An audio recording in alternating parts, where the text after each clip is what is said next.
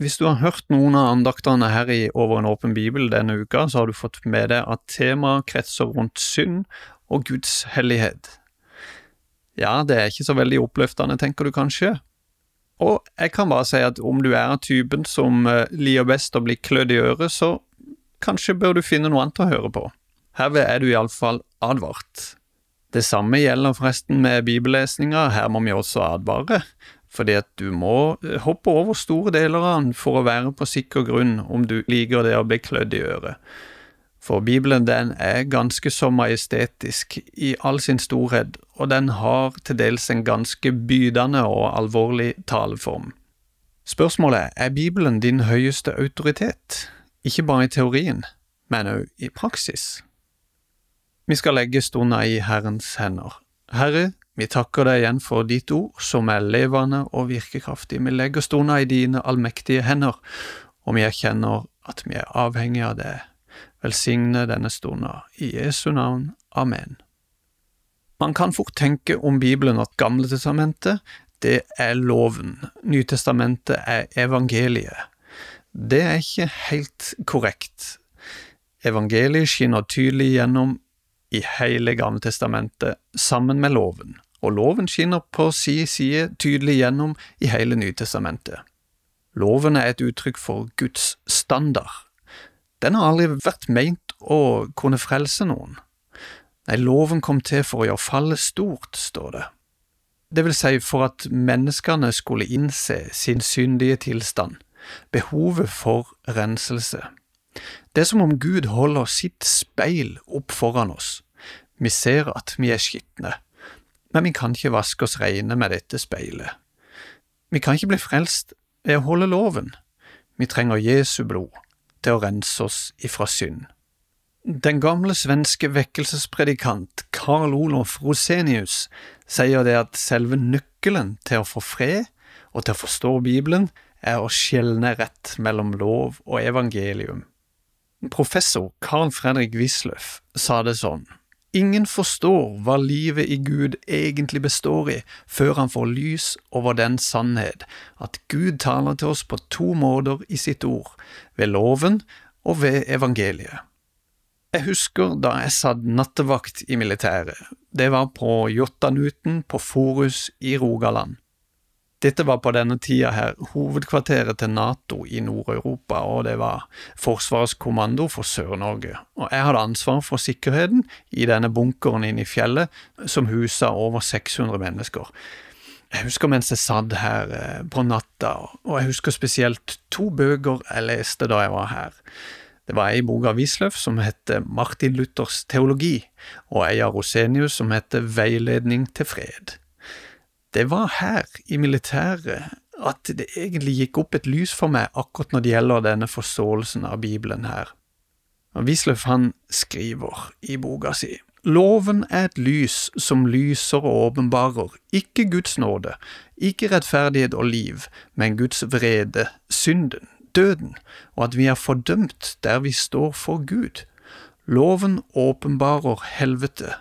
På Sinai berg hadde tordenen, lynet, det rette mørket, det rykende og brennende berget og alt dette forferdelige, ikke den virkning at Israels barn ble glade, men det skremte nesten livet av dem, og det viste dem hvor lite de med all sin hellighet og renhet maktet å holde ut Guds nærvær når han talte til dem ut av mørket. På samme måte er det med loven. I sitt egentlige embete gjør den ikke noe annet enn å avsløre synden, den virker vrede anklager, forferder og driver hjertene omtrent til fortvilelse. Der slutter loven. Evangeliet derimot er et lys som opplyser og levendegjør hjertene. Det viser nemlig hva Guds nåde og barmhjertighet er, og hvordan vi skal få dem. Når vi på denne måten skjelner mellom lov og evangelium, da tillegger vi hver av dem deres bestemte oppdrag og virkning. For ei tid siden så hørte jeg en pastor bli intervjua på Petro. Han poengterte at Jesus kom med en balanse av nåde og sannhet. Av og til så kan vi falle, sier han, for å vektlegge det ene mye mer enn det andre. Og det er veldig sant, det han sier her. Da jeg var yngre, så var det en klok mann på bedehuset som fortalte meg at loven og evangeliet måtte følge hverandre, som to togskinner følger hverandre. Skilles de fra hverandre eller krysses, så sporer toget av. For min egen del har dette vært til stor hjelp når jeg leser Bibelen, og kategoriserer på denne måten her, sånn at jeg kan sortere det jeg leser, inn i noen sånne hovedkategorier. Men det at loven ikke kan frelse oss, det betyr ikke at han ikke er viktig. Paulus sier at uten loven så visste jeg ikke hva synden var. Jeg ville ikke visst hva begjær var dersom ikke loven sa du skal ikke begjære. Og det gir jo egentlig mening. Jeg har kommet med en etterlysning denne uka her, som jeg nå vil gjenta. Igjen. Jeg etterlyser pastorer og kristne ledere som tør å snakke ærlig og åpent om Guds hellighet, om hvordan Han ser på synden. Forkynnere som tør å være upopulære, blir oppfatta som mørkemenn kanskje, men er det egentlig mørkemenn man er når man kommer med lyset? Paulus han sier det sånn i Galaterne 1. Prøver jeg nå å bli anerkjent av mennesker eller av Gud? Vil jeg bare være mennesker til laks? Og var det fremdeles mennesker jeg ville være til laks, da var jeg ikke Kristi tjener, sier han. Har du lagt merke til åssen all skitt, alt støv, blir skrekkelig skittent og støvete når sollyset treffer? La meg lese ifra første Johannes brev. Gud er lys. Det fins ikke mørke i ham. Sier vi at vi har fellesskap med ham, men vandrer i mørket, da lyver vi og følger ikke sannheten. Men dersom vi vandrer i lyset, slik han selv er i lyset, da har vi fellesskap med hverandre, og blodet fra Jesus, hans sønn, renser oss for all synd.